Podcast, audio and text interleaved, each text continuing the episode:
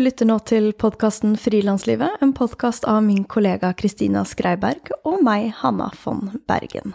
Vårt mål er å være en faglig og inspirerende kanal for alle som jobber for seg selv i medie-, kunst- og kulturbransjen. I dagens episode skal jeg og Kristina snakke sammen om temaet stress. Vi er verken eksperter eller forskere på stress, men har til sammen frilanset nesten 20 år, hatt utallige høyintensive prosjekter, stressende deadliner, gjort ting vi ikke kan, og begge har eh, stått på scenen nesten 100 ganger, og generelt har vi utfordret oss eh, til det ytterste. Dette har gitt oss mye stress i vår frilanstilværelse. Og glede. Og glede. Men det snakker vi om en annen gang. Så spørsmålene vi ønsker å ta for oss i dag, er eh, hva trigger stress? Er det mulig å ha en stressfri frilanstilværelse? Hvordan har vi lært oss å håndtere stress og krevende perioder? Og hvilke verktøy bruker vi for å få en litt roligere puls, og ikke gå rundt med en så stor klump i magen, eller hjerteklapp, eller virvelvind, eller ja, det kan utarte seg på utrolig mange måter inni din kropp. Det skal vi snakke om.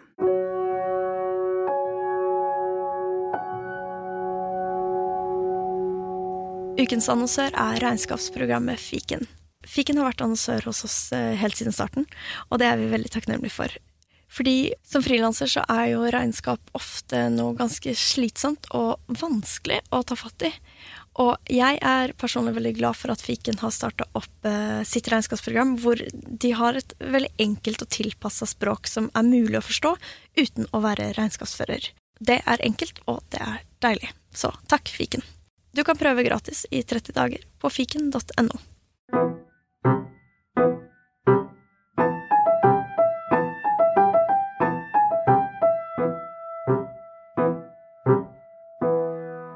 Du Hanna, når kjenner du at du blir stressa? Jeg følte at jeg takla stress mye bedre før. Jeg føler nå at jeg ble stressa ganske mye, ganske fort. Jeg skulle håpe at det var motsatt, at jo eldre man ble, jo mindre stressa ble man. Men eh, jeg blir veldig stressa når Først og fremst når jeg har konflikter med folk. Det er liksom, da går jeg i oppløsning. Eh, da Det syns jeg er veldig, veldig vanskelig å håndtere. Og så er jeg jo et strukturmenneske, så jeg blir veldig stressa når ikke jeg har oversikt. Eller kontroll, og det trenger ikke å være sånn kontroll i bare å ja, sånn overdreven kontroll. Man tenker kanskje det når man sier denne setningen. Men det er det, det er når ikke Når alt bare flyter, og man hele tida blir reaktiv istedenfor å være proaktiv, da. Men det at du er mer stressa nå enn du var for kanskje noen år tilbake, kan det også handle om, for det lurer jeg på med meg selv, eh, to eget toleransenivå ovenfor stress? At kanskje man har bare mindre og mindre lyst til å ha stress i livet sitt. Og at man kjenner det mer, da. Sånn oi, nå, nå er det der igjen. Mm, Mens før så bare var man kanskje litt, jeg vet ikke, blindere for det. Ja, det, jeg tror det er veldig sant. Ja. Jeg blir jo stressa hver gang jeg skal prestere, og det gjelder jo alt fra å ha en gjest i studio, ha et intervju, til å stå på scenen, til egentlig og deadlines. Altså, det er mer sånn når det er foran noen folk, eller, eller med noen, så blir jeg veldig mye mer stressa enn at jeg skal sende inn noe til en viss tid, eller ja, når det er bare for meg selv. Så det er den der ja, foran mennesker som trigger det også. Naturlig nok, da, tenker jeg. Hva med deg, Kristina? Er du mye stressa, eller lite stressa? Jeg føler at jeg er mye stressa. Men Men jeg, jeg, jeg, tror det handler veldig om at jeg bare har lav stresstoleranse. Det, det, målet mitt er å ha ro og oversikt, og kanskje på en annen måte enn jeg At jeg har høyere krav til det nå enn jeg hadde før, da. Men jeg har jo også to små barn som jeg tror liksom eh, kommer inn og eh, røsker til stressnivået ganske mye. Så det henger sikkert litt sammen med det. Men jeg er ikke sånn at det syns at jeg er så stressa. Jeg farter ikke rundt og har veldig høyt tempo eller snakker fort eller eksploderer hjemme. Det kan nok skje. Men jeg kjenner at jeg har mye indre uro i kroppen. At det er mye sånn Oi, nå er det en virvelvind inni brystet mitt som pågår. hva er det som skjer nå? Hvor, hvorfor kommer den følelsen? Og det syns jeg at jeg har ofte. Men det kan vi komme litt tilbake til. For hva trigger Eller når blir jeg stressa? Og det, jeg kjenner meg veldig igjen i det du sier med å ikke ha oversikt. Når alt flyter litt over i hverandre, og jeg ikke har svart på mailer, og jeg, jeg ligger bakpå. Og når det er for mye på mange fronter. Eller når jeg påtar meg noe jeg er litt sånn usikker på om jeg eh, kommer til å klare godt nok, eller få tid til å gjøre godt nok. At da blir jeg liksom litt eh, nervøs. Og jeg kjenner at hvis jeg har vært utenfor egen komfortsone for mye over lengre tid, altså mye mer utenfor enn innenfor, da det gir meg stress. Og når man er utenfor komfortsonen sin, så gjør man jo som regel noe nytt. Eh, som naturlig nok påfører stress fordi man ikke vet om man klarer det helt, eller hvordan det kommer til å gå, eller Ja. Så kjenner meg veldig igjen i den der. For noen år siden så hadde jeg som mål å komme meg inn i komfortsonen. For at jeg syns jeg var så mye utafor at jeg kjente at eh, det her går ikke i lengden. Jeg må, Samme her. jeg, jeg må mer inn, inn i boksen. Ja, jeg har hatt mange perioder hvor jeg bare Nå er det Sier jeg kun ja til ting som virker lett og komfortabelt og hyggelig, som ikke krever egentlig så veldig mye av meg, eh, utover det jeg allerede føler at jeg mestrer, da. Jeg blir også stressa av um, tidspress og føler at jeg ikke er i rute når det gjelder tid. Eh, Jeg er ikke en person som kan gjøre ferdig ting sånn rett opp mot deadline. Det, for meg virker det helt grusomt. Jeg liksom stortrives med å være i forkant av oppgavene. Wow. Det er jo noe å strebe etter. Ja, det er jo det, men jeg merker at da har jeg det best. Mm. Da koser jeg meg med jobben fremfor å sitte og ja, stresse for om blir det bra nok, får jeg det til, rekker jeg deadline. Uh, ja. Mm. Høye skuldre. Altså, jeg tror jo mange av oss sitter og jobber, og så kan man kjenne i kroppen at man egentlig sitter og er eh, stram, holdt jeg på å si. Det hadde vært fint om jeg var stram. Sånn tens, da, eller hva er det norske ordet? At du spenner deg i hele kroppen når du sitter og jobber. Og det er jo et tegn på at du nå jobber du for hardt mot klokka, eller mot eh, prestasjonsangsten din, eller eh, Og det skjer jo så ofte. Jeg kan sitte og jobbe sånn selv når jeg ikke har tidspress, sånn egentlig. At det Jeg kan senke skuldrene, jeg kan drikke en kopp kaffe mens jeg jobber, og egentlig bare sånn Dette er jo egentlig ganske fint. Men så tror jeg vi har en sånn tendens til liksom sånn Å, jeg må jobbe på og Ja, det skal være så effektivt. ja. Ja. Vi spurte våre følgere, dere, på Instagram, um, om hva som eh, gjør at dere blir stressa i deres frilanstilværelse. Og jeg vil gjerne lese opp eh, litt svar, vi kjenner oss veldig igjen i mange av de. Så her kommer noen. Stadig forstyrrelse av stabil døgnrytme av reising og scenekonserter. Produksjoner som har deg på vent, sene dagsplaner og sene betalinger slash kontrakter. Økonomi og regnskap, men også min egen perfeksjonisme og prestasjonsangst. Pendling. Manglende midler til å få gjennomført ting. Ansatthjelp. Og ikke vite hvor mye arbeid man har når. Kunder som planlegger dårlig. Mangel på selvdisiplin. Mini-hasteoppdrag. Blir til støy i innboksen og stjeler flyten. Og alltid føle at jeg skulle og burde jobbe. At alt skal skje på samme tid. Altså, vi fikk så mange svar av dere, eh, så det er altfor mange til å lese opp. Men eh, det er eh, mange utfordrende aspekter ved det å frilanse som noen av de her tilbakemeldingene måtte en synliggjør. Vil du, vil du komme inn med noe? Jeg bare, jeg hvordan skal dale her i land. Jeg kjenner meg veldig igjen. øh, Ble du stressa nå, òg? Over å måtte dra de land alene? Nei, Og det er noen som hører på? kanskje hvis du hadde vært, publikum? hvis du hadde vært en ekspert, så hadde jeg blitt stressa. Men øh, jeg kjenner meg jo igjen i alt, egentlig. Altså ikke nødvendigvis øh, f- forstyrrende døgnrytme pga. sceneopptredener eh, osv. Men det er jo så gjenkjennelig, og det er det som er så fint. Det er så gøy at dere deler det med oss. Så mm, jeg noterte nå, ja, ikke ta sånne hasteoppdrag. Ikke sånne små, veldig korte oppdrag, for det har jeg kuttet ut av min tilværelse. Jeg så at det bare suger masse administrasjonstid og snakk om hvordan og når og så videre for et, en liten filleting Ja, det er sant. som du må gjøre på kjapp tid. Mm. Ja. Ja, det er generelt det der når du har altfor mange ting gående, og det på en måte det bare er et, et fjell å klatre. Og så er det kanskje lettere å ta tak i de tingene som føles lett ut, og bare få ned to do-lista. Men veldig ofte så har jeg i hvert fall hørt, når jeg har hørt på liksom, podkaster og lest bøker om det her, at det man bør gjøre, er jo å ta tak i de vanskeligste tingene først. For det er det som påvirker deg mest eh, følelsesmessig. Og når du er ferdig med det, så er det mye lettere å ta tak i det andre. Og det er også en eller annen forsker eller ekspert eh, som sier at man skal ha maks syv eller åtte baller i luften samtidig. At vi egentlig ikke klarer eller har det bra med å holde i mer. Og det, jeg har et sånn lite dokument på Mac-en min hvor jeg skriver ned hvilke prosjekter som jeg har gående nå. Og hvis jeg har da eh, Jeg går for syv, da.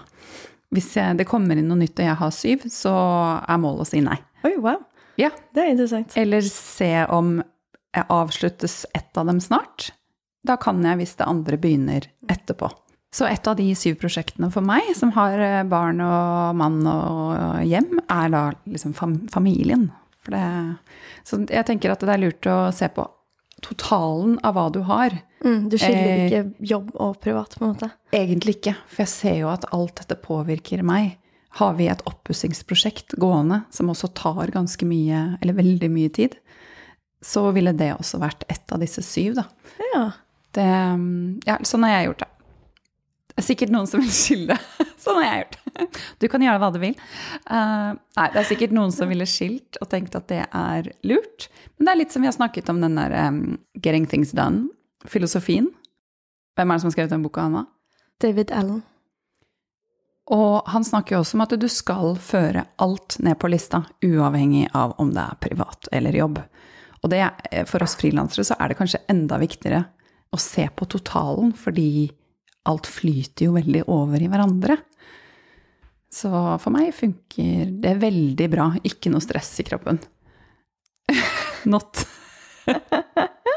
Men man må jo finne sine, sine måter da, eh, å på en måte minimere stress. Hvis man gjør veldig mange smågreier, så fyller jo det veldig mye plass på denne lista. Eh, Men de går jo fort ut igjen, selvfølgelig. Men jeg ser at de liksom tar for mye plass på den lista, at det er bedre å ha noen litt sånn større og langsiktige greier som skal få lov til å komme inn, Mm. inn i det universet der, da. Ja, Ja. det er veldig interessant. Mm. Jeg har ikke tenkt på det på den måten. Jeg tror jeg har litt tilfeldig mengde prosjekter. Det er etter intervjuet jeg gjorde med Cecilie Barstad i Skill og Cecilie, mm. at jeg ble veldig bevisst på å gjøre det sånn. Der snakker vi om det. Mm. At eh, ja, hun er veldig bevisst på å ikke ha Eller at det blir krøll, da, når det er altfor mange store prosjekter gående på samme tid. Ja. Ha litt headspace. Ha litt headspace. Mm.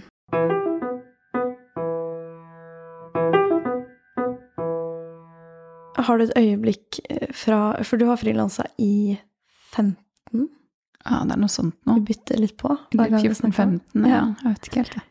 Du har frilansa nå i 14-15 år. Eh, har du noen øyeblikk som du på en måte tenker tilbake på med skrekk og gru, fordi var, det var så overveldende og du var så stressa? Det er nok veldig, veldig, veldig mange.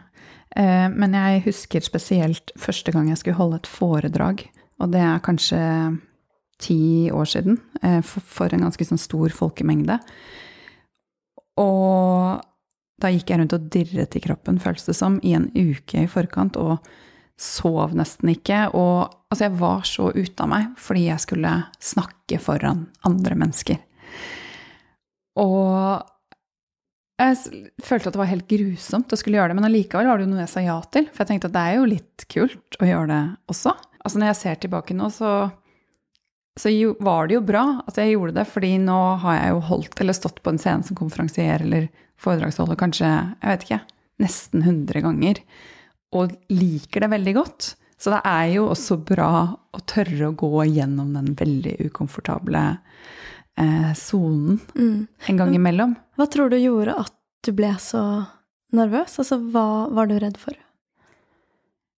Jeg tror jeg var redd for at jeg ikke kunne det jeg skulle si godt nok.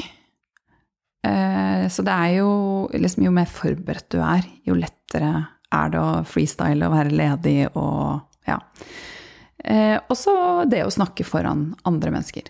Eh, jeg var redd for at de var mye mer sånn autoritære og ja, hadde mye mer tyngde enn meg. Altså, Jeg følte meg liten og ung og uerfaren. mm, at du skulle virke dum på en måte på scenen. Ja. At de skulle le deg og si sånn Litt. Liksom, hvorfor hører vi egentlig på henne? Ja. Og det er så banalt, men det er jo det som er skrekken. Det er sånn der å bli dømt av andre mennesker. Og det tror jeg, det kan jeg kjenne på fortsatt når jeg skal holde et foredrag. Har jeg noe å komme med? Hvorfor har jeg egentlig blitt spurt? Mm.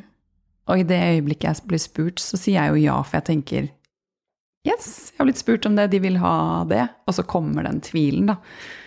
Ok, kommer dette egentlig til å bli noe bra, og, og så videre. Mm.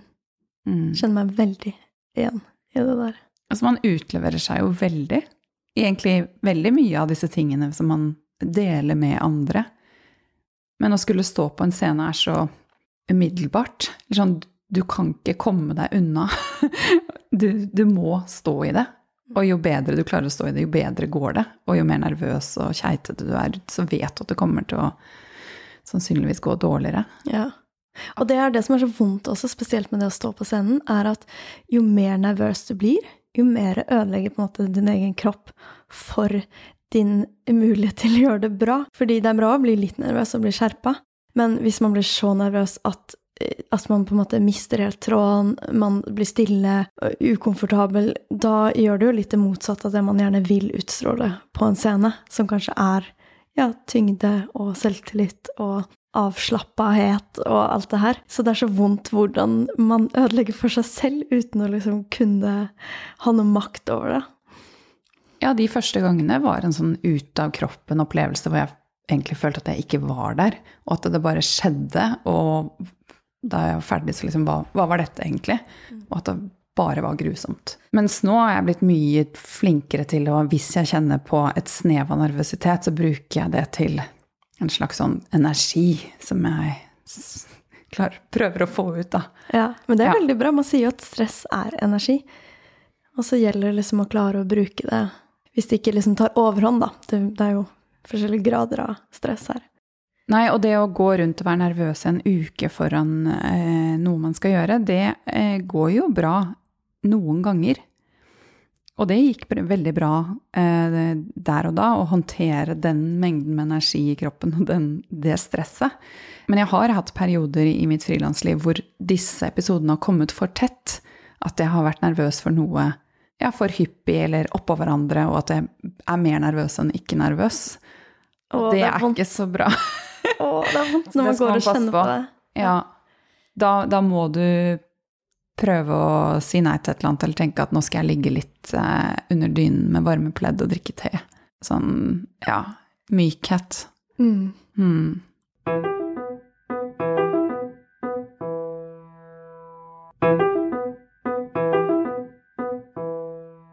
Hva med deg, Anna? Har du hatt noen ekstremt stressede eller skrekkscenarioer? Jeg har hatt mange. Jeg tror det er fordi at jeg ehm, Jeg har liksom ikke tatt en utdannelse som er sånn Ok, dette kan jeg gjøre. Min utdannelse er i entreprenørskap og innovasjon, som egentlig vil si sånn Ja, hvordan ta en idé og gjøre noe ut av den. Så, Det er du veldig god på. Ja, men tusen takk. Eh, men det som er litt skummelt, da, er at hvert eneste prosjekt jeg har vært i, har føltes ut som noe sånn helt nytt som jeg ikke kan. Og så blir man jo bedre på å, å håndtere det etter hvert. Men det har gjort at jeg har uh, hatt mye stress da, i kroppen. Også fordi det har vært veldig store prosjekter. Som blant annet når jeg var sånn 19 år, så ble jeg med å arrangere en av Østfolds største festivaler uten å ha noen Altså ikke ha peil på hvordan man engang arrangerer noe som helst. Det har jo gått veldig mye i å arrangere kultureventer for min del. Og for noen år siden så fikk jeg ansvaret, fikk jeg et oppdrag um, hvor jeg skulle arrangere en eh, festivalgate for en filmfestival. Da var det en type sånn 100 meter utendørsgate. Og det skulle være liksom utekino, bar, liksom ti dager med aktiviteter, ja, tusenvis av folk. Og da var jeg ansvarlig for alt fra liksom å blokke av gata til å skaffe samarbeidspartnere og redirigere trafikken, og, ja, og også liksom finne ut hva skal skje i denne gata. Og dette her var gaten, den gaten som er eh, mellom Klingenberg og Saga. Mm, Olav Eh. Femtes gate. Ganske stygg gate, så det var liksom mye jobb. Og bare hvordan skal man gjøre det koselig her? Men også en veldig sånn sentral gate i byen. Yes. Det var ikke en liten sånn torggate i, på Hamar. Nei, det var liksom Måte. 100 meter lang gate. Så, og ganske mye jobb med bare det praktiske. Gjerde inn, ha skjenkebevilling, ha kontroll, ha vakter, nattevakt. Altså, det var så mange aspekter ved det prosjektet. Superspennende, veldig, veldig utfordrende. Og i overkant av utfordrende. Det var liksom rett og slett altfor mye jobb på én person. Um, pluss at det var ting jeg ikke hadde gjort før. Så liksom det her òg vi lanserte podkasten i samme periode. Jeg hadde liksom et annet frivillig verv, hadde deltidsjobb. Altså, jeg gjorde ganske mange andre ting i tillegg. Uh, og det resulterte i at jeg uh, var bare i en verdens største jobbboble. Rommet så ut som en 16-åring hadde prøvd å liksom gjøre sånn her uh, i en sånn rebelsk periode. Jeg sov ute på balkongen fordi jeg var så svett på natta. Og jeg hadde så sjukt mye katastrofetanker at jeg var helt sikker opp til den dagen hvor vi sto og rigga opp festivalen, så tenkte jeg sånn Nei, det her kommer jo ikke til å skje. Det er bare umulig at denne gata kommer til å bli nå. Til og med når det var i gang, og liksom hundrevis av folk begynte å komme, drakk champagne, det var åpningsfest, da begynte jeg å skjønne at det går. Det, nå, nå er vi i gang. Herregud, det er liksom Det skjer. Og mitt øye, det er liksom Jeg har aldri vært så stressa at kroppen har liksom reagert så fysisk, eh, unntatt liksom at man kjenner at man er nervøs. Men jeg har som regel sovet veldig godt, alltid. Men under denne perioden så begynte liksom øyet å twitche. Leamus. Ja, fikk leamus i øyet, og da fikk jeg høre av en venn etter jeg liksom, jeg hadde holdt på noen uker. Så fikk jeg høre nei, det er et stresstegn. Så var jeg sånn Hæ? Jeg, jeg hadde ikke skjønt det. Så stressa var jeg at jeg ikke klarte å liksom ense hvordan kroppen reagerte. Og det øyet, det hadde leves i åtte måneder etter prosjektet. Det sier litt om hvor lenge ting sitter igjen. At jeg følte jeg hadde hatt kjempelang sommerferie etterpå. Det var en suksess, det gikk kjempebra. Jeg var dritsliten, men jeg hadde liksom klart det. Men øyet, det bare drev og holdt på, levde sitt eget liv, liksom. Og da skjønte jeg shit, jeg må, jeg må virkelig passe på. Fordi det her eh, Kroppen prøver liksom skrike nå at, eh, at jeg trenger å hvile. Men skjønte du, altså mens du jobbet med festivalen, at eh, nå er jeg helt sinnssykt stressa? Eller eh, altså uavhengig om du skjønte det eller ikke, så hadde du jo bare måttet gjennomføre. Jo, noen ting må man jo bare stå i når man har først eh, gått ut i det. Ja, gått inn i det. var veldig, det var veldig tydelig for meg. Men det var sånn, da var jeg allerede så dypt inn i det at det var vanskelig å skjønne helt Jeg brukte jo liksom de andre organisasjonene til å bistå og få litt sånn avlastning og finne liksom smarte løsninger, kutte ut noen ting. Men eh, ja, året etterpå, så jeg sa nei til å være med året etterpå. Og da hadde de tre personer til å gjøre samme jobben. Oi. Så det var liksom tydelig at det her var ikke en god eh, på en måte organisering da, av eh, organisasjonens ressurser. At det var liksom Det var et for stort oppdrag på én person. Fikk du to ekstra lønner for oppdraget? Sånn etterpå? I wish. ja, men det var jo det Burde jo så... fått en liten sånn påskjønnelse. Ja, og for de som ikke jobber i kulturbransjen, det er jo de fleste av dere gjør jo det, men det er mange som kjenner seg igjen i at det er liksom bittert det der at man, man får ikke overtidsbetalt. Så eh, man kan jo bare jobbe man, det- man får liksom ikke timebetalt. Jeg fikk for en viss prosent, og så var det opp til meg å prøve å liksom holde meg innafor den. Mens problemet er jo bare at når man er i et sånt her prosjekt, så bikker det jo ut og bare går helt over. Så jeg jobba Jeg tror det var 160 timer på to uker som jeg jobba. Det var uka liksom før festivalen og under festivalen. Og her, det kommer jo, altså det har vi snakket om andre ganger òg, det der å prise sånne, sånne jobber, at det er så vanskelig, for du vet jo egentlig ikke hvor mye tid det kommer til å ta. Mm. Nei, og da har man kanskje andre ting som man har gående, og i hvert fall som frilanser så er det ikke sånn at jeg skal slutte festivalen, og så bare er det helt tomt. Det er jo Man har jo ting som går parallelt, som starter opp og slutter liksom ikke helt synkront da, med de andre tingene. Så det blir jo fort eh, Det blir fort overload. Men jeg følte at jeg lærte meg mye. Virkelig gå en runde med at Å ikke liksom knekke nakken over og prøve å gjøre ting så bra. Altså litt den der at det er verdt å ta mer vare på seg selv, og heller liksom ta prosjekter som man føler at er innafor, da, hvis man kan si det sånn. Ja, det er jo mye lærdom man kan ta med seg videre. Men når man står i sånne situasjoner som er eh, sånn ekstremsportsituasjoner, som enten er fordi man har påtatt seg et sånt jobbprosjekt, eller at man kanskje har veldig mye annen jobb, men ting i livet skjer samtidig. Så, altså hvor man bare Du rett og slett bare må stå i det der og da. Da eh, kan jeg få kommentarer fra andre som bare jo, men du må jo ta vare på deg selv, og du må ta pauser, og du kan ikke holde på sånn, og du kan ikke mm. eh, liksom eh, Hallo, du må liksom roe ned, eller du Slapp av. Slapp av, eller Ja, eh, dette her går jo ikke. Bare, nei, det, jeg er helt klar over at det ikke går egentlig å ha det sånn som jeg har det nå, men akkurat nå så må jeg det faktisk. Noen ganger må man. Jeg har vært gjennom perioder hvor jeg har solgt leilighet, eh, kjøpt leilighet, pusset opp, skulle flytte. Eh, far, en far på sykehjem, en mor som ble syk samtidig. Eh, og et bokprosjekt. Og jeg tror i løpet av sånn fire måneder så hadde jeg ikke én kveld hvor jeg hadde fri. Altså jeg jobbet dag og jobbet kveld, eller var på sykebesøk, eller satt med noe greier, eller malte, eller ja. Så mange, mange måneder uten å se en serie. Og da fikk jeg de kommentarene at men du kan jo ikke ha det sånn. Men hvor jeg tenkte at akkurat nå så har jeg faktisk ikke noe valg. Jeg har satt meg selv i den situasjonen, og mye av det har bare skjedd. Eh, så sånn er det bare. Så jeg tenker at man har jo noen perioder i livet hvor det bare Man faktisk bare må stå i det. Og så får man kanskje bare den det kvarteret med en kopp kaffe hvor man bare sitter og nyter den mm. Kaffekoppen. Jeg nøt veldig Altså, en kopp kaffe hver dag ble min sånn jeg nøt det så innmari, for det ble, ble min mm. ja, diamant. Ut, da. Gikk du ut og drakk den, eller hvordan, liksom, ja, eh, hvordan utarta det her liksom, lille ritualet seg? Ja, enten at jeg lagde den om morgenen eh, for meg selv, når det var stille hjemme, eller på kontoret før alle kom, eh, eller at jeg gikk ut og tok en kaffe, og at det kanskje var 15 minutter eller en halvtime, da, hvor det var min dagens pause. Og jeg visste at jeg gledet meg til det hver dag, så det var som at jeg bare gledet meg hver dag til den kaffen. Og da jeg drakk den, så nøt jeg den sånn inderlig. Og så tenker jeg at lærdommen er at man må ta seg pauser når man kan. At når det er stille, så Eller etter sånne perioder, så må man ha perioder som er skikkelig i nedetid, da. Ja, det tror jeg også.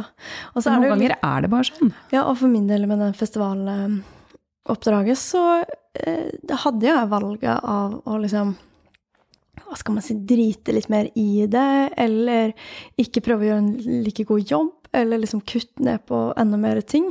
Men problemet var også litt at man blir i en sånn skvis av, av hvor man veier opp sånn Er det best å virkelig gønne på nå, og bli skikkelig stolt av det man lager? Eller skal man liksom um, ta det litt roligere, og da risikerer man også å kanskje ha en helt annen følelse rundt sluttresultatet. Da.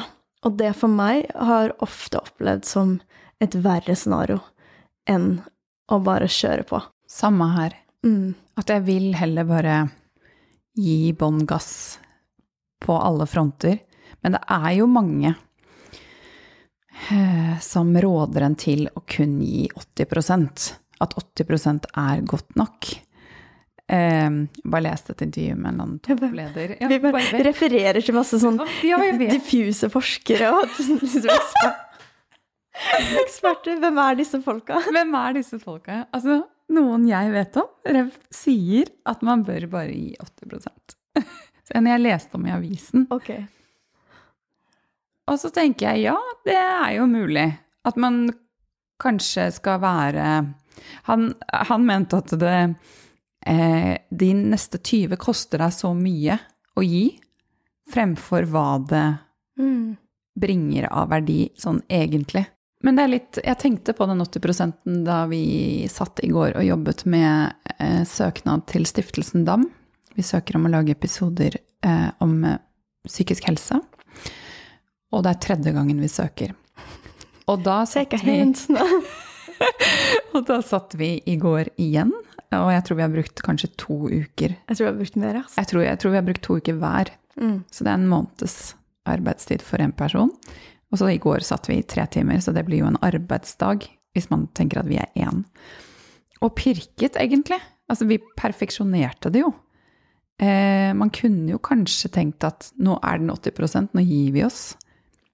Men da satt jeg og tenkte at nei, jeg har behov for å gi 100% Ja, men det er noe å vite at vi har gjort alt vi kan uh, for å maksimere vår sjanse til å motta støtte, for vi vet jo begge så veldig godt hva det innebærer. Og det innebærer at vi kan prioritere dette prosjektet i vår frilanstilværelse.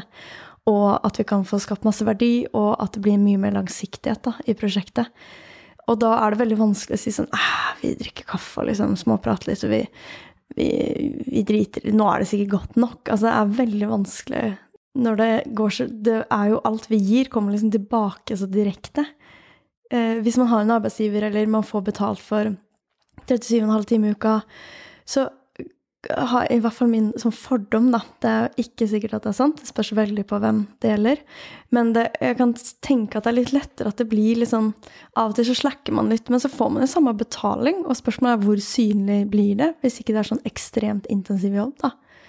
Eh, mens hvis vi slacker litt og er ueffektive en dag og ja, ikke får gjort noe en dag, så er det jo bare Det er bare som at den dagen er ubetalt. Og da blir det jo veldig tydelig at eh, da kan man heller gå ut i sola, på en måte, tenker jeg. Jeg vil heller prøve å liksom jobbe effektivt og heller kortere, og så heller ta ordentlig fri. Så det er vel slags sånn eh, det man sikter på. Helt klart det man sikter på. Men um, det er nok noen ganger jeg kunne tatt meg da mer fri og tenkt at det er godt nok. Ja. Men det klarer jeg ikke. Nei, det er vanskelig. Ja, jeg vil gi alt jeg kan i alt det jeg har sagt at jeg skal gjøre. Mm. Eh, men jeg tror jo det er bra òg, da. Men når er det alt du kan, da? Når vet du at du har gjort det? Er det bare når tiden ikke strekker til lenger, eller er det når du er liksom 100% fornøyd, eller hvordan utarter det seg? At nå kan jeg ikke bedre. nå Ja, nå vet, vet jeg ikke hvordan jeg kunne gjort det bedre. Mm. Altså at nå Ja, jeg det er ikke sikkert jeg er fornøyd, men jeg kan ikke mer. Det er bra Ja. ja.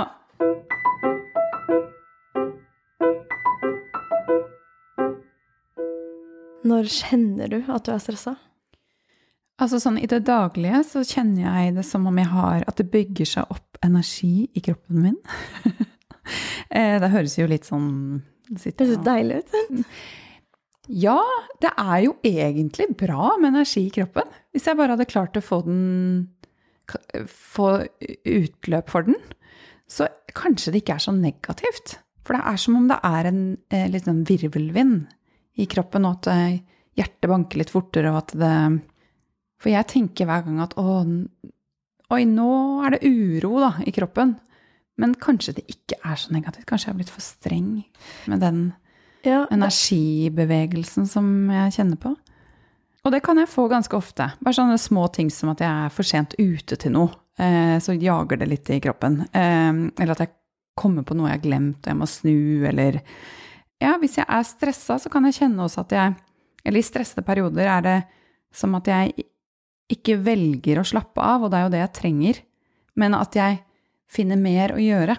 Jeg kan liksom rydde kjøkkenskap og Men du blir sånn ekstra produktiv. ja, og det, jeg ryddet eh, kjøkkenskapene her forleden, og mannen min bare å, så deilig at du gjør det.' Jeg bare Nei, det er egentlig negativt, for det er et tegn på at jeg er stressa. Oh ja, wow. Jeg Men burde er det prokrastinering? Er det liksom det, det som skjer, eller, eller trenger du bare å ikke connecte med følelsene dine? Ja, at, man, at jeg ikke vil connecte med følelsene mine. Det jeg egentlig trenger, er jo å sette meg ned og meditere, eller dra på yoga, eller lese en bok. Og det vet jeg, men at det noen ganger kan det være så vanskelig å roe ned når det er så mye eh, energi i kroppen. Mm. Ja. Eh, Så jeg bruker den til noe som ja, også er bra, men det er egentlig en, stress, en stressgreie. Eller det kan være en stressgreie. Kjøkkenskapene nå var en stressgreie. Og det er eh, overganger i livet stresser meg også. Eh, fra sommerferie til hverdag, f.eks. Da er det et par uker med ja, mye energi i kroppen som eh, Ja, jeg løper rundt og rydder alle skapene. Mm. Når det har vært stressa over tid, da blir det mer sånn at jeg har vanskelig for å roe ned på kvelden, at jeg sover dårlig, og at det er lite som skal gjøre at jeg begynner å tenke sånn Å nei, hvordan skal det gå? og Bekymre Mm. meg og Ja. Sover du dårlig da? Ja, da sover jeg dårlig. Kan jeg våkne opp midt på natten og gruble over hvordan jeg skal få tid til det og det, og, Mm. og så videre. Ja. Jeg kjenner igjen kanskje mest med meg selv at eh, jeg blir veldig ufokusert. Og det er faktisk noe jeg ikke har vært så bevisst på tidligere. Fordi jeg har likt litt den der å være så veldig i en boble, en jobbboble, et prosjekt. Men jeg har hørt det fra mine venner også, at eh, ja, at jeg blir ufokusert. Og jeg er ikke sånn som bare går fra jobben, klarer å legge bort ting. Det liksom suser og går, og jeg trenger å ventilere og, og liksom være i det. da. Jeg synes det er kjempevanskelig å bare legge det bort og ta pause. Um, og det påvirker da andre rundt meg ganske mye. Og spesielt uh, min egen følelse av ting jeg gjør. At jeg har merka nå, etter, i koronaperioden, så har jeg fått en helt sånn annen ro i kroppen. Fordi ting har liksom automatisk forsvunnet. Ble permittert og liksom masse sånne ting. Men da har fokuset mitt bare uh, Etter alt det drøye la seg, da. Etter man liksom Det ble litt mer sånn hverdag. Det her nye pandemi-hverdagen. Da kjenner jeg liksom at jeg er et veldig mye mer tilstedeværende menneske. Så fint for deg, Hanna. Mens jeg er midt i en overgang, så jeg er litt, litt høy. Ja. Ja. Mm. Men ja, det er en stor kontrast da, til ganske mange år av mitt frilansliv. Men jeg har jo litt som deg, så eh, det der å ha påtatt seg et prosjekt, og du merker at stresset sitter i kroppen over mange, mange, mange måneder, det har også skjedd meg en gang. Mm. Og da eh, du fikk sånn løyamus på øyet, eh, for meg da eh, så handlet det om at, ja, at jeg eh, hadde vondt i kroppen min. At jeg var liksom var stiv i hele ryggen min, vondt i nakken, mye vondt i hodet, sover dårlig. Eh, etter hvert så bryr jeg meg ikke helt om liksom hva jeg spiser, eh, ikke trener. Eh, etter hvert er jeg også litt sånn eh, likegyldig til hva jeg tar på meg. At, og da Jeg liker at den kommer sist. den, Ja, men da Det er det siste dråpen. Da er det noe galt. Når jeg ikke bryr meg om hva jeg har på meg over lang tid. mm, for det syns jeg Jeg syns klær er gøy. Mm. Men da er jeg i ferd med å mm, komme borti Gå på veggen, liksom. Mm. Eller hva Da heter det? stryker du veggen, liksom. Og da stryker jeg borti gardinen, som jeg har sagt flere ganger. Mm. At man, det er et tegn for meg på at nå er jeg veldig lav på energi. Altså nå har den der virvelvinden pågått så lenge at nå jeg, begynner jeg å bli tom. Mm. Og da skal man gå til legen. Har du gjort Da det? gikk jeg til legen. Ja, du gjorde det. Ja. Eller jeg skjønte det jo ikke. Jeg ble ordentlig syk, og så gikk jeg til legen. Ja, sånn, altså, du gikk til legen fordi du trodde du var fysisk syk? Nei, men jeg ble fysisk syk Å, ja, sånn. av det. Ja. Men da har det gått altfor langt. Da må du ha en lang pause fra mye i livet ditt. Var det det du gjorde? Ja, da ble jeg sykemeldt. I først delvis, og så 100% i jeg vet ikke, tre-fire-fem måneder. Og det startet jo med stress, det der. Og så endte det med at man er helt flat.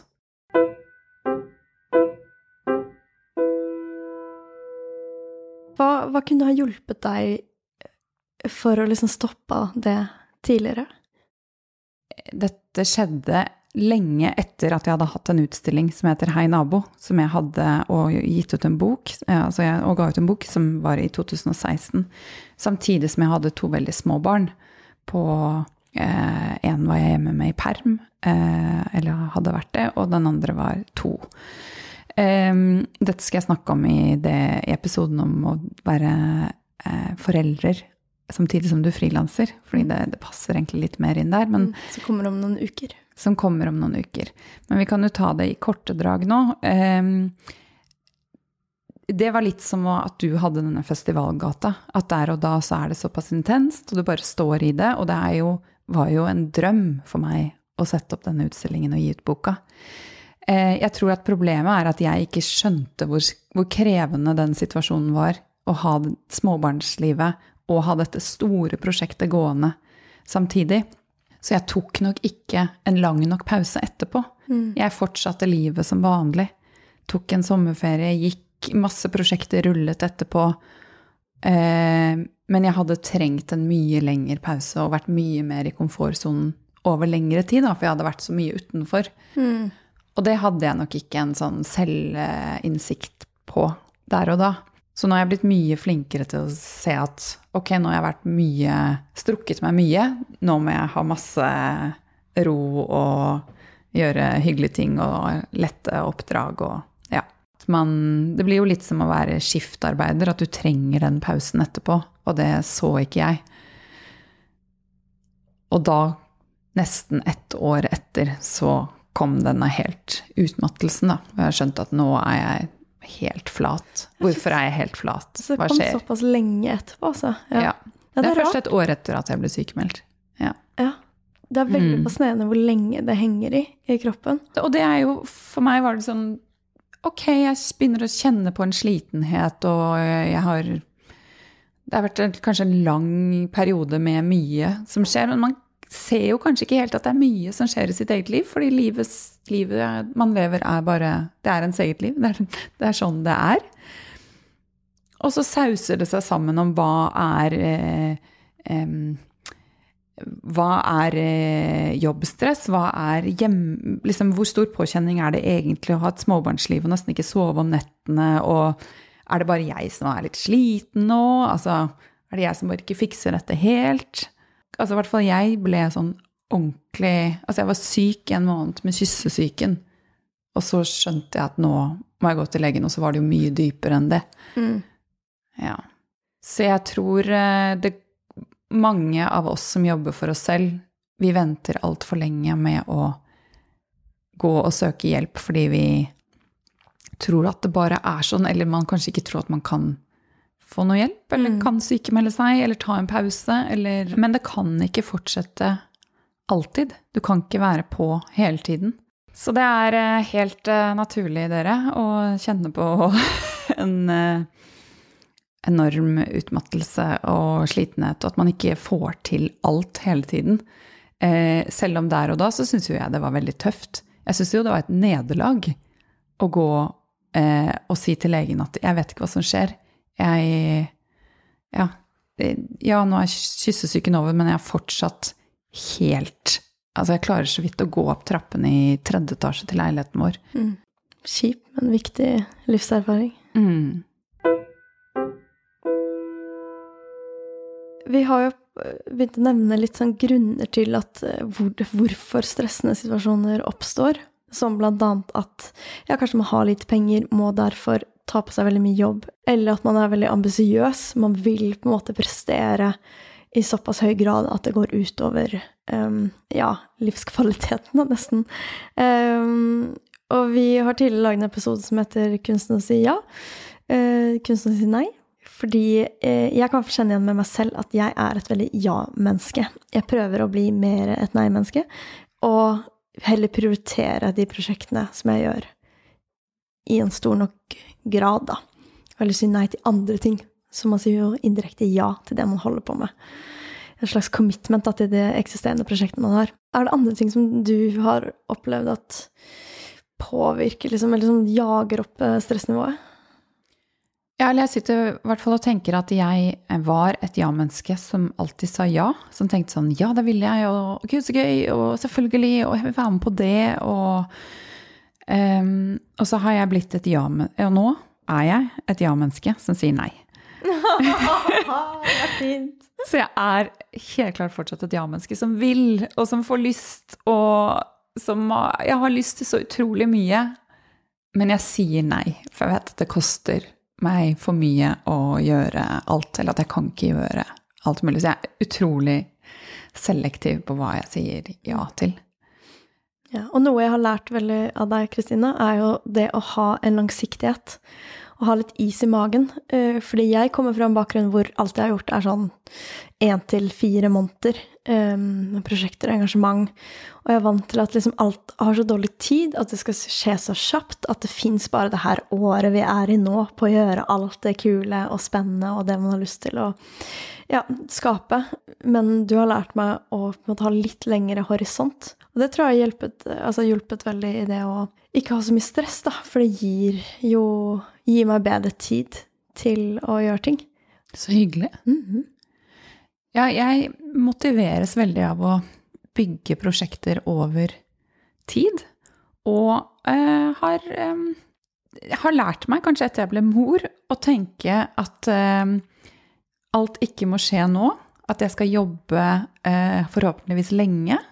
Og at, eh, ja, at, man kan ha en langsiktighet og en lengre horisont på alle de prosjektene og oppdragene og tingene man har lyst til å utrette.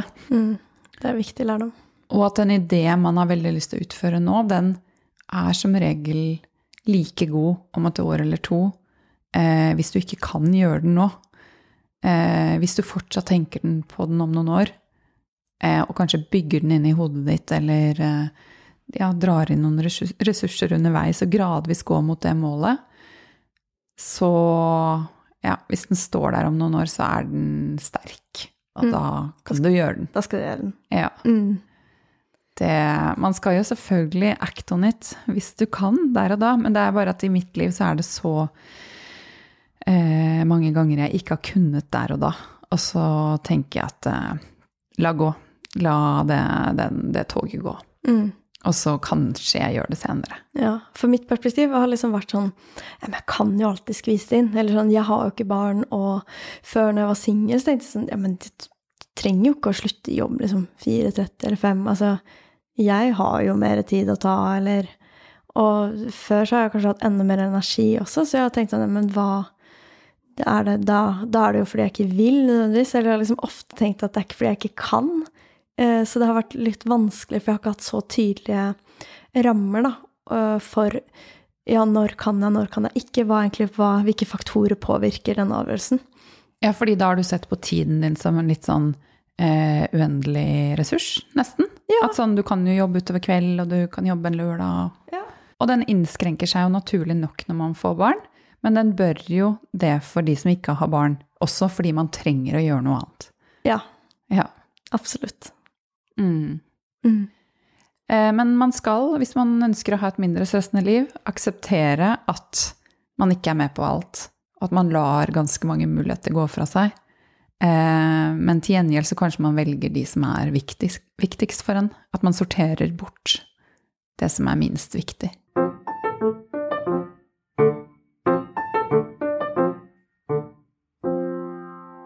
Det er jo veldig interessant å være bevisst på hva trigger ting hos akkurat meg, for det kan være så forskjellig. Og jeg tenker at sånne trigger, eh, triggere kan i mange sammenhenger komme fra liksom langt tilbake. Altså er du f.eks. oppvokst i et hjem da, med mye uro eller konflikt, f.eks., og så oppstår det konflikter eller eh, en følelse av uro i frilanstilværelsen din, eh, eller du har konflikter med en oppdragsgiver, eller Så det der å ha en bevissthet om at ok, jeg kjenner på stress og uro eller får noia av dette, kanskje fordi det går langt tilbake i meg, det er et mønster hos meg, at eh, jeg kanskje på grunn av det trenger mer ro, f.eks.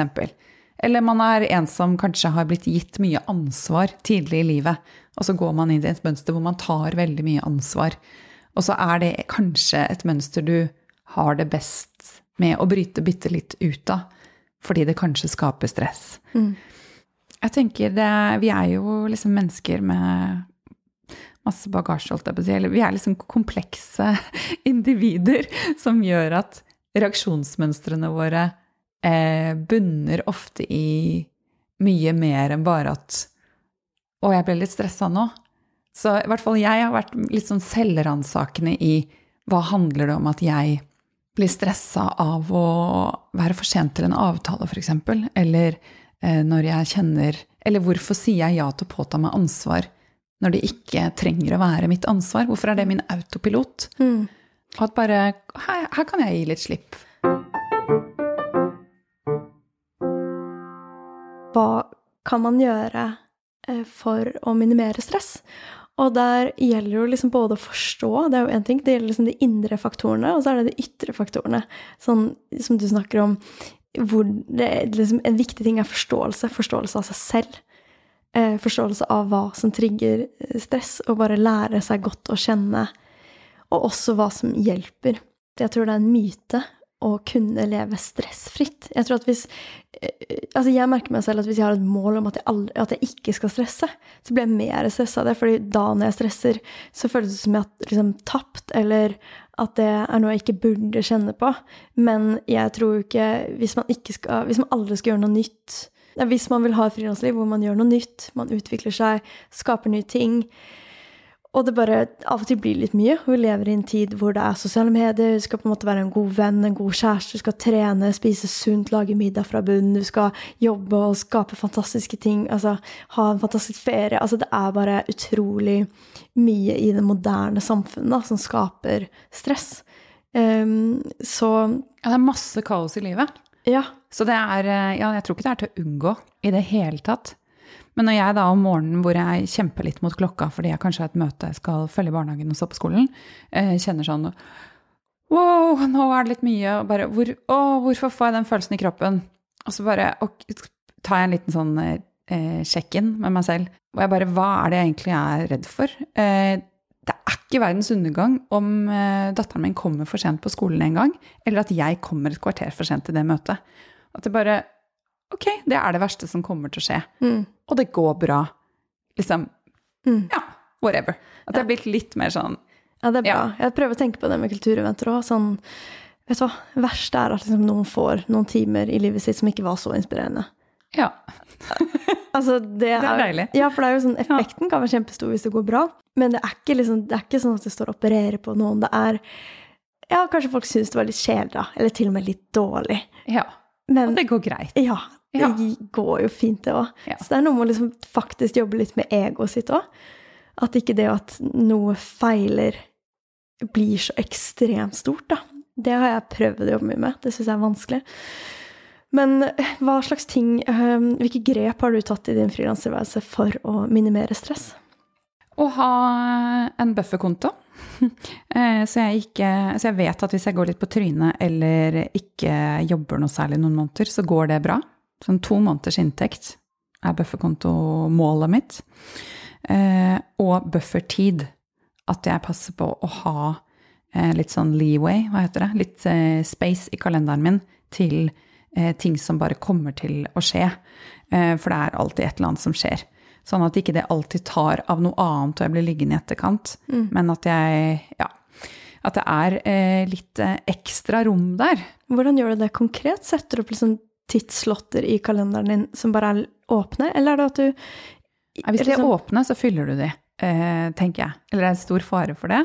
Eh, jeg har blitt, eh, en, egentlig bare nå den siste tiden, god til å sette av en halv dag i uka til administrasjon. Fordi jeg gjør såpass mange forskjellige prosjekter at det krever mye administrasjon. Men det krever ikke alltid en halv dag. Men da gjør det at jeg kan gjøre noe uforutsett, eller ta igjen noe, eller som er administrasjon, egentlig. Eller sette av en dag i ny og ne til eh, møter, eh, som jeg ikke vet om jeg kommer til å ha, men at det er space der til å ha eh, potensielle møter. Og en gang imellom en fridag, og den blir kanskje ikke fri, men jeg vet at jeg da Jeg skal ikke booke inn noe jobb der. Mm. Og hvis jeg må jobbe den dagen, så går det greit. Og så eh, gjør jeg meg aldri avhengig av kveldstid for å få gjort ferdig arbeid. Arbeidet mitt skal kun inn på dagtid, og så er det ved unntakssituasjoner at jeg må sitte utover kvelden. Ja. Men jeg gjør meg ikke avhengig av det, mm. for det stresser meg. Vi kunne hatt en egen episode, føler jeg, om kalender. Ja, vi skal kanskje ha det. Ja, Ja. Jeg tror vi begge er utrolig sånn nølete, spesielt rundt kalender, kalenderen vår. Men det syns jeg er en veldig bra tips, det med buffertid. Og du har fortalt meg at du har begynt å ha administrasjonsdager på mandager. At du liksom starter uka med det. Det også syns jeg virka, virker som en veldig liksom, bra plan. Ja, mandagen min er eh, yoga på morgenen mellom eh, ni og halv tolv. Og så er det lunsj, og så er det administrasjon neste, altså Ja. halvparten av dagen. Og så deilig og så fint å vite at du kan starte uka med noe du elsker å gjøre. Og det å putte inn den yogaen gir jo også buffertid. Fordi det gir meg noe, og jeg Det er veldig viktig at jeg får gjort det, og jeg blir ikke da avhengig av å få gjort det på kvelden. Um, og jeg kan utelate den ved en krise. Mm. Og det her har vi snakka om mange ganger, at her, selv om du er frilanser, så betyr ikke det at man trenger å jobbe 37,5 timer i uka. Uh, hvis det funker økonomisk, funker med det man har lyst til å skape.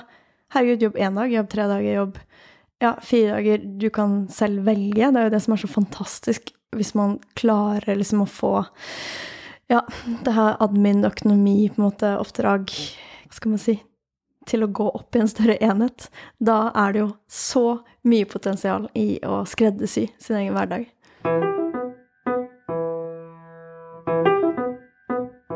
Ja, du Det høres jo veldig smart ut, Kristina, med de tingene du har på en måte eh, funnet fram til at funker for å minimere stress. Det noe sånn Altså, ja, det med bufferkonto, det eh, startet jeg med for eh, da jeg startet ut. For da, hva det var, 14-15 år siden. Ja, den er snart i mål nå. Nei. ja, nei, den svinger litt opp og ned. Ja. men det med buffertid er noe jeg har lært meg på Altså av erfaring at jeg trenger buffertid. At jeg ikke liker å liksom halse etter alt jeg skulle gjort, men at jeg aller helst vil være i forkant. Og det er jeg absolutt ikke, men derfor tar jeg disse grepene, da. Mm. Lurt. Mhm. Men eh, er det noen andre ting du gjør for å Har du noen konkrete verktøy, f.eks.? Ja, her Eller noen En gode ting- ja. tips å dele, Hanna? Ja, det har jeg, men eh, før liksom Det jeg syns er litt viktig da, å nevne i denne samtalen, er jo at før så tror jeg var mer sånn at ah, jeg vil være en person som gjør veldig mye, og det gjelder bare å liksom jobbe effektivt, ha gode systemer og liksom life hacks. Men jo mer jeg på en måte Jo eldre jeg blir, og jo mer jeg jobber frilans, jo mer syns jeg at life hacks er litt bullshit. Eh, på en måte at jeg syns det er veldig mange ting som hjelper. Men for meg tror jeg den største forandringen i, i mitt liv de siste åra har vært liksom mentalt å se på eh, hva jeg vil prioritere. At det ligger mer på sånn hva gir mening? Det er på et mye dypere nivå enn et godt system på to do-lista, eller ja eh, Skru av notifications. De tingene hjelper, men det har vært eh, Ja, de største tingene er liksom at jeg har begynt å prioritere privatlivet på et helt annet nivå enn det jeg har gjort før. Og merker liksom at Ja, at det er veldig verdt å prioritere, da. Det er veldig godt å høre, Hanna. Høres ut som jeg var sånn horribel person tidligere. Men, eh, men eh, ja, man, man blir engasjert, man jobber mye. Det er veldig fint å kjenne at man prioriterer venner, kjæreste, privatliv, og bare slappe av, trene, lage middag, alle de der hverdagstingene, da. Eh, Så det har vært det store, på en måte, stressminimerende tiltaket, hvis jeg kan si det sånn. Mm. Mm, at det går på dyp, et dypere plan, ja, enn bare alle sånne eh, småting du ja, Ja. Men at det er mer som hva vil jeg ha ut av livet mitt? Hvordan vil jeg at rytmen skal være? Hvordan vil jeg føle meg i jobbene jeg gjør? Mm. Um, Mm. Og kjenne også at hvis jeg har et prosjekt som bare er for mye stress, så er det ikke sikkert det er verdt det, selv om det er et fantastisk prosjekt. At det faktisk er på det nivået at eh, nei, da prioriterer jeg heller bort veldig kule ting fordi jeg ønsker et annet type liv, da. mm. Mhm. Men så er det jo masse konkrete ting også som vi kan eh, Som hjelper. Mm. Det er det. Kjør på, Hanna. Ja. Så eh, Det her begynte jeg med for noen år siden, og det var i visse perioder hvis jeg er veldig stressa, og jeg rett og slett bare sletter mail på telefonen. Eh, og i hvert fall skru av notification. Aldri få en pling. Og til og med på eh, data nå så har jeg mailprogram oppe, men da kommer ikke noe lyd.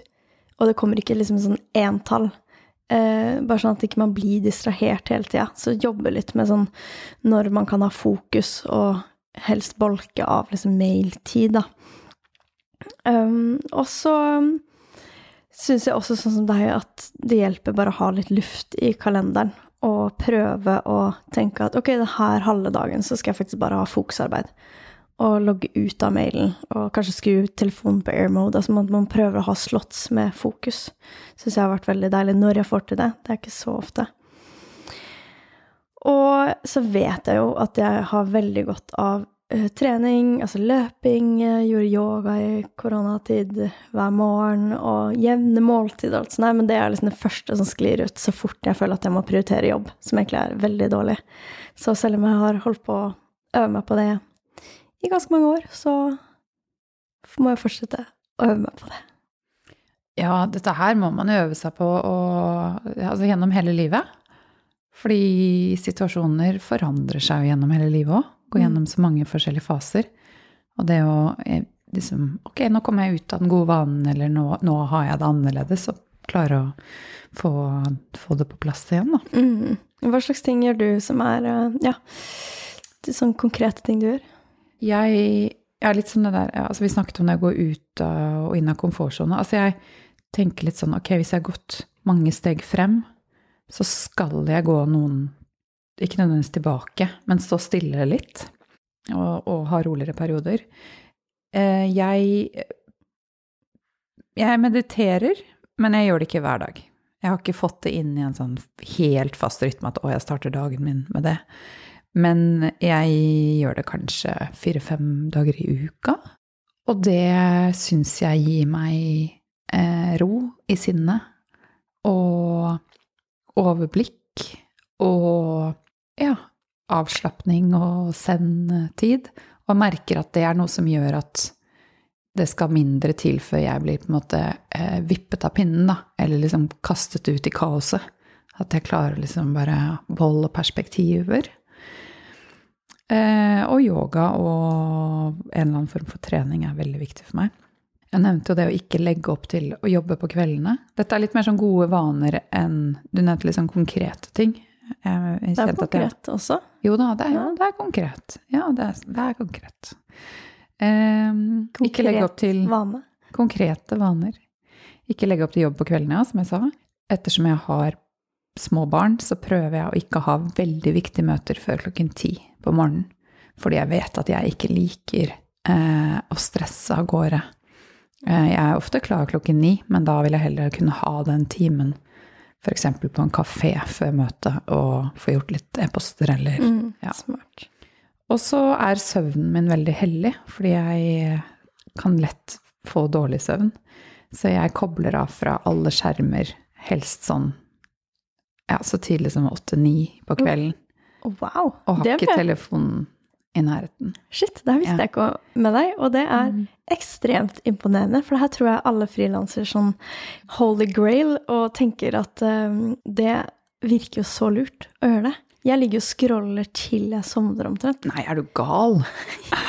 Ja, men det er jo kjempedårlig, men Altså, da hadde jeg scrollet hele natten. Ja, altså, hvis det går for deg, mm. eh, topp, toppen. Mm, Men det er bare mye sånn dødtid og dårlig bruk av tid. Jeg kunne heller tatt opp en bok, eller liksom bare slappe av, eller ja. Altså, jeg har på lyd og sånn, så hvis det kommer en melding, så går jeg og tar den og sjekker på kjøkkenet og svarer. Mm. Men jeg eh, har den ikke med på soverommet, og jeg sitter ikke foran noen skjerm, nei. Men har du ringeren, er alarmklokka, ringeren fra kjøkkenet da? Eller har du en alarmklokke sånn gammeldags? Mannen min har telefonen med inn på soverommet, dessverre, og hans ringer. Eller så må jeg gå på kjøkkenet når det er meg som skal opp først, Mm. og stå opp og Ja. ta den av. Og det er like greit. Ja, det her er Men jeg er jo ikke en snuser, da, sånn som deg. Jeg Nei. står opp med en gang. Å, jeg misunner deg. Både din kveldsrutine og morgenrutine. Min fordel er at jeg sover ekstremt bra. Ja, mens jeg har eh, Det bygger seg Altså, jeg har et eller annet sånn høyt energinivå i kroppen. Jeg er en person som ikke bør drikke mer enn én kopp kaffe om dagen, og den skal helst være tidlig på dagen. Jeg har liksom nok energi å ta av. Så jeg vet at jeg må roe ned, og lese bok på sengen er den eneste måten jeg sover bra på, egentlig. Så jeg får alltid lest litt bok, da. Som er bra. Koselig. Nei, og så er eh, mm, mannen min, eller kjæresten min, høres enda hyggeligere ut, veldig god på å hjelpe meg med å sortere. Altså sånn hvis jeg eh, går med mange ting i hodet, og det er litt sånn at jeg føler at alt går over i hverandre og ikke har oversikt, så er det sånn Men hva, hva handler det egentlig om? Hvil, hvilke ting bekymrer du deg for? Hva kan skje med det? Hvordan, hva, hvordan ser det ut? Hvordan ser det ut? Og så går vi på en måte gjennom det ting for ting, og så blir det ikke så uoversiktlig, og så er det ikke så farlig. Mm. Det er litt som at jeg nevnte at jeg tar den sjekken med meg selv hvis jeg kjenner litt sånn Å, gud, jeg blir stressa. Så bare Ok, men hva er det egentlig? Nei, ok, det er det. Er ikke så farlig. Det mm, Så at man bare mm, tar en liten samtale med seg selv, da. Eller kjæresten sin. Mm. Ja. Om det. Det er veldig lurt, bare, for det kan virke så voldsomt oppi hodet. Og jeg syns noen ganger bare å skrive ned på papir er sånn, Eller ned. Hva er det viktigste nå? Hva er det liksom de tingene som stresser, og hvorfor stresser det? Og hvor reelt er den følelsen? Eller er det bare sånn nå er det litt overveldende fordi jeg ikke har oversikt? Mm. Ja, lister er veldig Det er veldig viktig Ja. for meg. Veldig sånn klisjésvar, men jeg syns også lister er ekstremt verdifullt. Også sånn generelt i livet så tror jeg at eh, vi snakket jo om å gi 100% og at det er viktig for oss å gjøre en god jobb osv. Men å prøve å mm, ikke henge seg for mye opp i resultatet av det, fordi det kan ikke vi styre. Eh, Det eneste vi kan styre, er den innsatsen vi gjør. Og hvis vi er fornøyd med innsatsen, så må man nesten bare tenke at yes, jeg har gjort så godt jeg kunne. Mm. Og det går litt som det går. Fordi ja, that's Mm. it. Ja, og så tror jeg man har begynt å legge så høyt press på seg selv at ting skal funke med en gang. Altså, vi har snakka mye om det her tidligere også, at når vi begynte å lage podkast Vi hadde jo ikke laget podkast før. Det er jo egentlig veldig naturlig at det ikke er liksom 100% perfekt og liksom toppnivå. Altså, og det er vanskelig å ha en slags forventning når man gjør noe i starten eller for første gang, eller de første ti gangene, de første 50 gangene. Eh, fordi da er det fortsatt en læringsprosess. Så det, og det tror jeg man glemmer litt, fordi det virker som at nå kan man få til alt, og det ser så bra ut, liksom hva andre gjør, og alle gjør masse nye ting og spennende, og, og så føler man liksom at det må bli så bra med en gang. Mens de andre har kanskje holdt på i noen år med det, uten at man egentlig har fått det med seg. Mhm. Det, Så ja. gi seg selv litt sånn slack på, ja, på prestasjoner, rett og slett. ja, og det, nå sitter jeg og tenker sånn, ja, har det noe med stress å gjøre? Og så har det jo så mye med stress å gjøre, fordi stress kan jo bli nesten litt sånn, litt som å ha angst for noe. At man er redd for at noe ikke skal gå bra nok, man eh, føler seg ute av seg selv, altså man ikke har kontroll. Så det å, ja, være god mot seg selv tenker jeg at minsker stressnivået sitt, da. Mm. Og jekke ned kravene sine. Her er perfekt å høre på episode 78, hvor vi har intervjuet en eh, psykolog og forsker om det å, om selvfølelse og sin indre kritiker. Så hvis du, hvis du føler at noe av det her resonnerer hos deg, så ta gjerne en lytt på den episoden. Og grensesetting og nervøsitet, som jeg tenker, det er vel en Ja. av de første episodene våre. Mm. Det er nummer fem eller ti, eller noe sånt. Også veldig fin om det her. Jeg vil bare eh, bitte litt tilbake til det der eh, å meditere. Og jeg nevnte jo at jeg også, når jeg er stresset, så kan jeg fyke rundt og rydde alle kjøkkenskapene og være litt sånn virvelvind, eh, fordi jeg agerer litt som jeg har det inni kroppen. Og da kan det kjennes noen ganger for meg i hvert fall veldig vanskelig å bare sette meg bare sånn, nå skal jeg tilføre ro. Men det er, jeg er ofte energisk, så, og i hvert fall inni meg, mer enn jeg utstråler, tror jeg. Og derfor for meg blir det ekstra viktig å tilføre det jeg vet jeg trenger, selv om det liksom Det er ikke det jeg egentlig vil, men jeg liksom må bare Jo, tilfør ro, så blir det kanskje mer ro. Mm. Mhm. Ja, for jo mer du løper rundt, jo mer går hjernen bare Jo mer jager jager skal det. vi løpe? Skal vi løpe? Ja. Nå, nå! ja. Så liksom komme med en, et en motmedisin, da, Mm. som er noe annet, for å få meg over i et litt annet spor. Det er veldig fint. Ja. Eh, og vil gjerne runde av med eh, For vi har jo spurt dere på Instagram eh, hva dere gjør for å minimere stress. Så vil jeg gjerne bare runde av med litt ulike tips fra dere. Så her kommer det. Gå en fjelltur. Sette penger til side, gjøre helt andre ting med folk som ikke er i bransjen, og egenpleie. Sier nei til veldig mye. Bruker litt mer penger på bedre flytider og unngår de tidligste flyene. Å oh, ja, den er, den er digg. Meditasjon og masse klemming. Strengt forbudt nå under covid-19, selvfølgelig. Lage lister hele tiden for å holde oversikt. Færre oppdrag og høyere pris. Jobbe med å klare å ta fri, men det er ikke lett. Bevisst grensesetting, takknemlighetslista. For å bytte fokus og yoga. Mm. Gi litt F i andre for en stund, og kjøre på med egne greier. Stå opp tidlig. Trene, ta en kaffe, møte med meg selv, gå en liten tur imellom arbeidsoppgaver. Og så er det en som skriver at hun syns ikke det skal liksom, Hun jobber med at det ikke skal være kult lenger. Det her må være busy og ha mye å gjøre. Eh, at det ikke er noe å hige etter. Og det syns jeg er et liksom interessant perspektiv inni det her. Ja, fordi det har vi snakket om før, at det Jeg hadde mange Kanskje første halvdel av min frilanstilværelse så syns jeg det var kult og er litt stressa. Og har, eller så, har så mange prosjekt, prosjekter på gang. Mm, og jeg må gjøre det her, og jeg må gjøre det. Ja. ja. Mens nå så er jeg ikke der i det hele tatt. Mm. Her er det også noe som sier bite i det og prestere. Ha en belønning å se frem til. Ja. Eh, dropper alt som ikke er viktig her og nå. Senker forventningene og perfeksjonismen. Forenkle livet mitt gjennom å skrive lister. Fokusere på det som gir meg energi. Og her fins det også så mye fine ting. Så eh, takk til alle dere som har sendt inn svar. Og for dere som ikke følger oss på Instagram, så eksisterer vi altså der, og også på Facebook. Og vi syns det var helt topp med engasjement der. Eller hvis dere skriver til oss, hvis dere har innspill til temaer dere vil vi skal eh, ta opp. Eh, hva som helst, egentlig. Tilbakemeldinger er eh, helt, helt supert. Mm. Ja. Takk som er med oss. Yes. Takk for denne gang. Ha det. Vi vil gjerne takke Bergesen-stiftelsen og Kulturrådet for støtte til å lage disse episodene av Frilanslivet.